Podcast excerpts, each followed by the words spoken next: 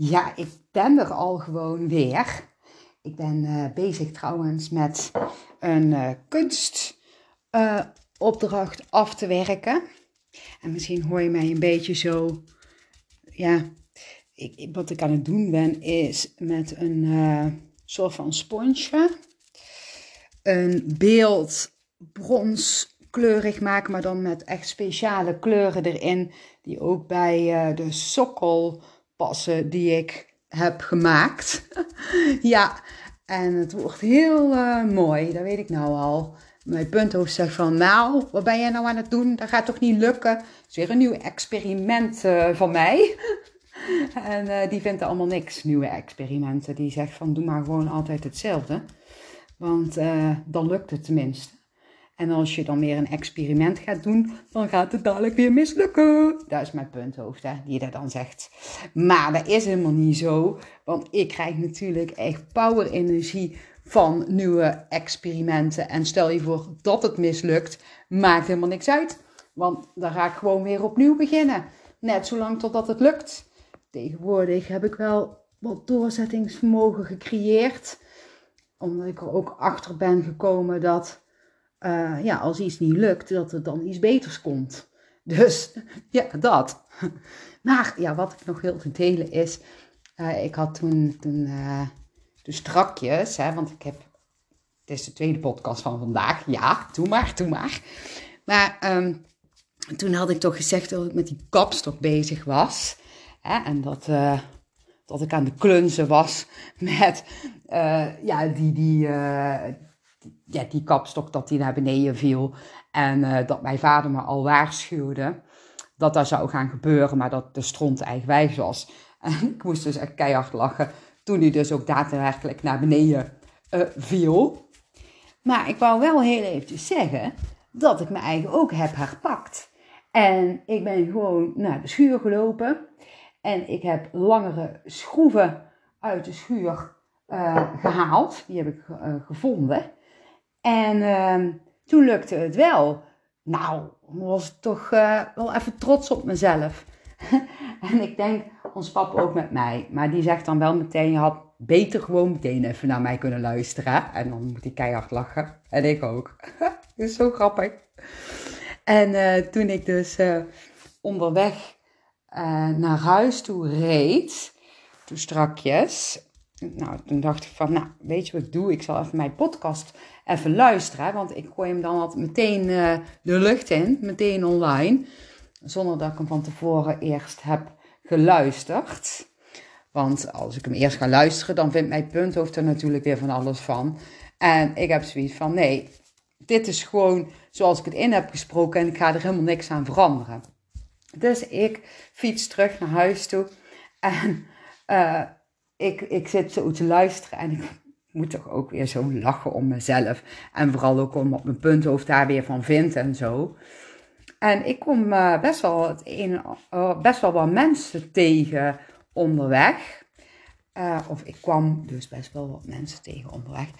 En omdat ik zo moest lachen onderweg, zagen die mensen ook dat ik dus aan het lachen was. En lachten ze zo terug. En toen lette ik daar eens op. En toen had ik echt zoiets van: wauw, wat leuk. Dat als jij gewoon lacht, hè, dat, dat, dat mensen die, die, die energie van ja, dat jij het leuke hebt voelen en teruglachen. En ja, het voelde alsof ik de anderen een beetje ja, positief besmette met, met mijn lach. En ik weet zeker dat jullie dat ook kunnen. Ik doe dat wel eens vaker, hè. Dat kan ik niet altijd doen, want als ik een keer een chagrijnige dag heb, dan lukt zoiets niet natuurlijk, hè. Maar ik heb nou een hele fijne, leuke dag. En um, als ik dan zo'n dag heb, dan doe ik wel eens vaker gewoon iedereen die ik dan tegenkom, daar ga ik gewoon tegen lachen. En vooral de meest chagrijnige mensen, hè, tenminste, in ieder geval die ja, uh, een beetje uitstralen dat ze ja, niet lekker in hun vel zitten. En misschien wat meer in hun punthoofd zitten. En ja, die er wat ja, chagrijnig uitzien. En dat bedoel ik dan helemaal niet negatief. Want iedereen is wel eens ooit chagrijnig. Dat hoort natuurlijk bij het leven. Maar misschien vind jij het ook wel leuk om eens een keertje uit te proberen als je ja, bijvoorbeeld naar de winkel gaat of, of je bent aan de wandel en je komt mensen tegen om dan eens ja, te lachen of hoi te zeggen. ja, en dan uh, ja, de mensen is lekker besmetten met jouw positiviteit. Dat is toch leuk? Ja, tenminste, ik vind dat in ieder geval super leuk. En um, toen kwam ik dus thuis. En um, nou, ik, ik denk van, ik ga eens even lekker een hapje eten. En ik had wel zin om weer eens uh, even wat uh, taartjes te maken. Ja, broodtaartjes, zo noem ik dat dan altijd. Vanochtend had ik er ook al, ook al eentje gemaakt. En dan doe ik uh, um, ja, een plakje kaas bakken in de pan. En dan doe ik daar een boterham op. Dus die kaas die smelt dan lekker in die boterham. En doe ik lekker altijd een beetje hard bakken, dat je zo'n korstje hebt. En dan doe ik een tomaatje doe ik, uh, snijden. En dan doe ik die uh, lekker op die boterham. Is echt net zo'n taartje. En dan een beetje van dat uh, ja, kruiden erop. Bieslook of ja, pepertje of, of, wat dan ook. Wat je lekker vindt. Nou, en dat had ik vanochtend gedaan. En vanmiddag toen had ik zin in een ander taartje. En ik had echt zin om een boterhammetje te roosteren. En dan uh, wat van die hutekezen, ken je dat? Van dat wit spul uh, erop. En dan aardbeien, lekker in stukjes snijden, verse aardbeien. En dan zo op die boterhammetjes. Oh, super lekker. Dus ik was daar zo aan het maken. En tijdens dat ik daar aan het maken ben, dan komt mijn punthoofd. Hè? En die zegt dan van, ja, kan je niet gewoon even beter gewoon een boterham maken, hop, uh, iets erop en opeten. Want je hebt toch helemaal geen tijd daarvoor. Hè? Je zou toch nog dit en dat doen. En uh, zie je dat daar die was? Die moet toch ook nog gedaan worden? En ik moest ook weer zo lachen daarom. En uh, mijn intuïtie die zei meteen van, doe maar lekker wel, want daar krijg je energie van. En ik luister dan ook altijd naar wat mijn lichaam zegt. En mijn lichaam glimlachte. Dus ja, dat was niet zo'n moeilijke keus om dan gewoon heerlijk die boterhamtaart te maken. En nou had ik het lekker in het zonnetje hier buiten opgegeten. En oh, ik krijg daar dan dus ook weer heel erg lekker energie van. Hè? Dus ja, voel goed waar jouw lichaam om vraagt en wat je nodig hebt. En um, ja, je punthoofd zal vast en zeker daar wel weer iets van vinden. Maar het gaat je wel goed doen. Dat wil ik ook uh, eventjes zeggen. En ja, dat is dan voor mij ook wel echt een geluksmomentje. En um, ja, ik wil het met jullie ook hebben over um, ja, probleempjes. Had ik laatst ook een podcast over gemaakt. Probleempjes die um, eigenlijk helemaal geen probleem hoeven zijn. Of misschien wel helemaal geen probleem zijn. Uh, we kunnen toch de beren op de weg zien, terwijl die, die uh, hier in Nederland zijn, beren op de weg. Maar um, ja, ik had dus een podcast gemaakt, uh, een paar podcasten terug. Ik weet even niet meer welk nummer. En toen heb ik ook nog gezegd tegen jullie dat er iets aan de hand was hier wat um, ja, misschien wel eens een probleem zou kunnen zijn. En dat dat dan ook een feit was, maar dat ik dat nog niet zeker wist. En dat ik uh, besloot om daar uh, niet over te piekeren en uh, heel veel zorgen over te hebben. Omdat ik voelde van ja, dat kan ik nou wel gaan doen, maar dat kost me alle energie. En wat gaan die zorgen mij brengen? nou ja, eigenlijk niks. Zo voelde het. En ik had zoiets van, ja, op het moment dat het probleem ook echt een feit wordt, dan kan ik altijd mij eigen nog zorgen gaan maken.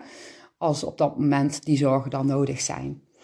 Maar ehm, gelukkig uh, hoef ik eigenlijk geen zorgen te maken. En ik wil toch wel heel even met jullie delen, zoals beloofd, ja, wat er aan de hand was. Nou, uh, mijn dochter die had een uh, knobbeltje in haar borst. Best een behoorlijk knobbeltje van anderhalve centimeter. En ze was naar de dokter geweest. En nou ja, hoppakee, meteen door naar het ziekenhuis. Echo, punctie, bladibladibla. En ja, ze moest dus de uitslag krijgen. En daar zaten we dus op te wachten op die uitslag. En heel gelukkig um, is het dus een uh, ja, goedaardige uh, ja, knobbel. En het heet um, mastopathie, als ik het goed uitspreek. En dat is een knobbel in het borstweefsel, uh, die dan ja, gevuld is met uh, ja, een soort van vocht, geloof ik. En ja, zo'n zo'n knobbel kan groter worden, maar uh, het kan ook zo zijn dat die gewoon zomaar ineens verdwijnt. En het komt best vaak voor dat, dat vrouwen daar last van hebben. Dus ik vond het ook wel even interessant om, uh, om te delen.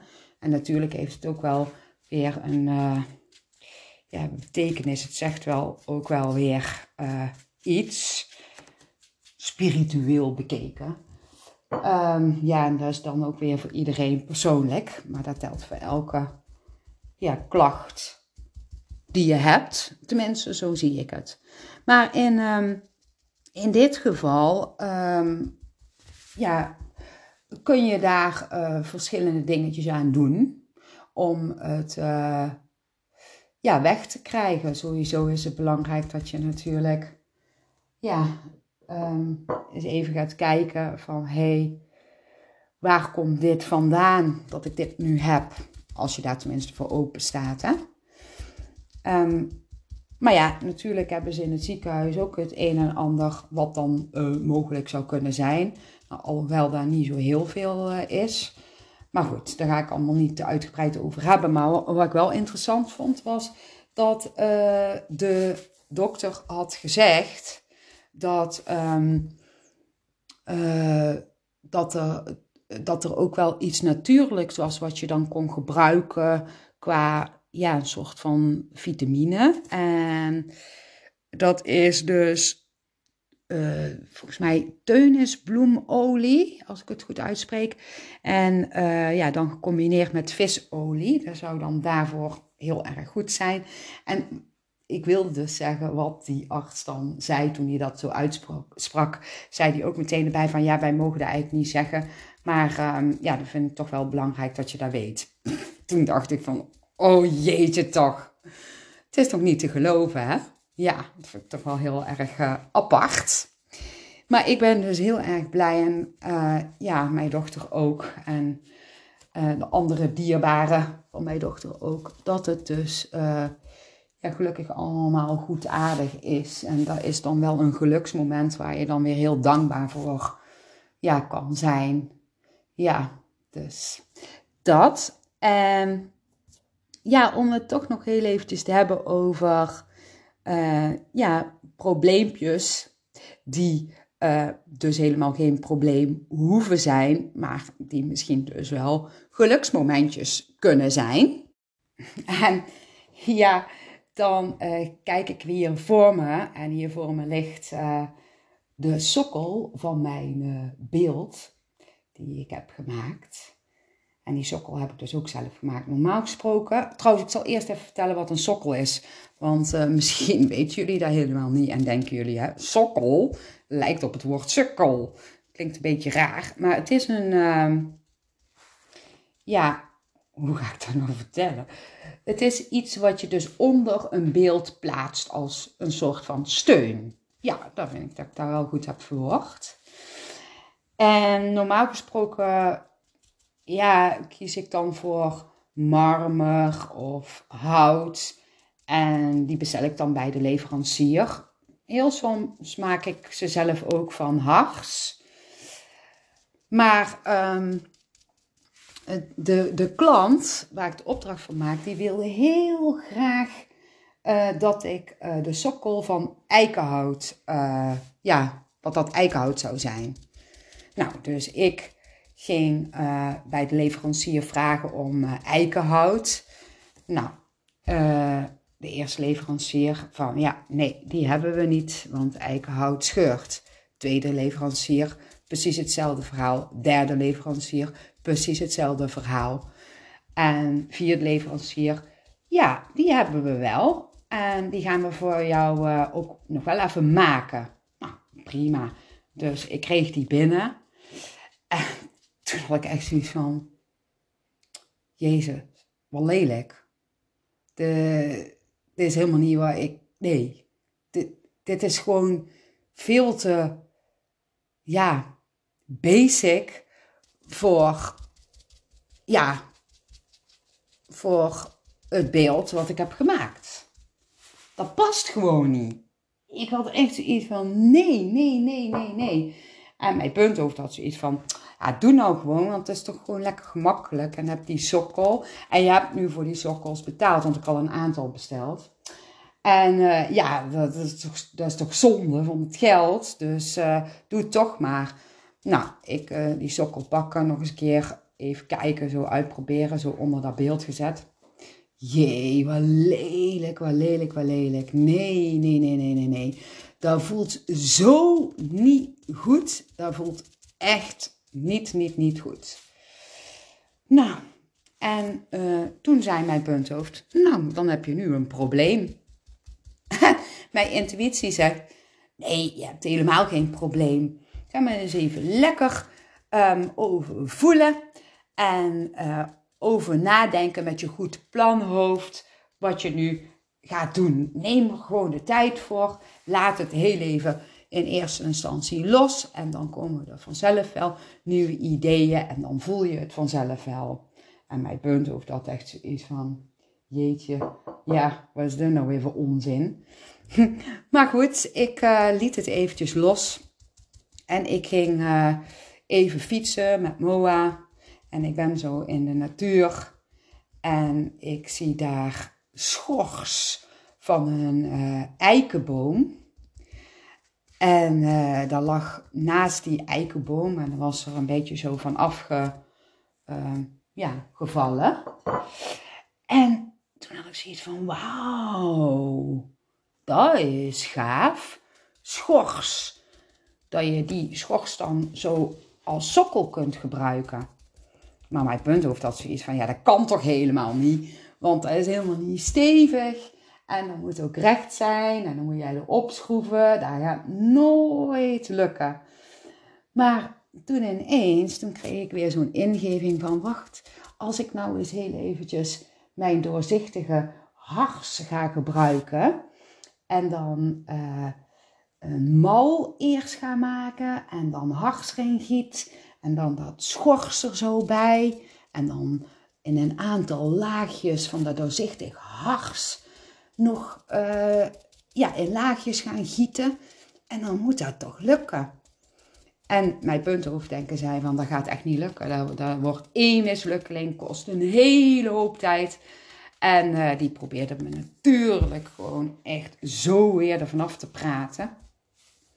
Maar ja, ik had zoiets van, nee, ik ga dat gewoon doen. Ik heb dat schors niet voor niks opgeraapt en in mijn mand gestopt. En uh, ik ga gewoon uh, beginnen en ik zie het allemaal wel. En uh, ik ga gewoon kijken wat er uitkomt. Nou, dat heb ik dus gedaan.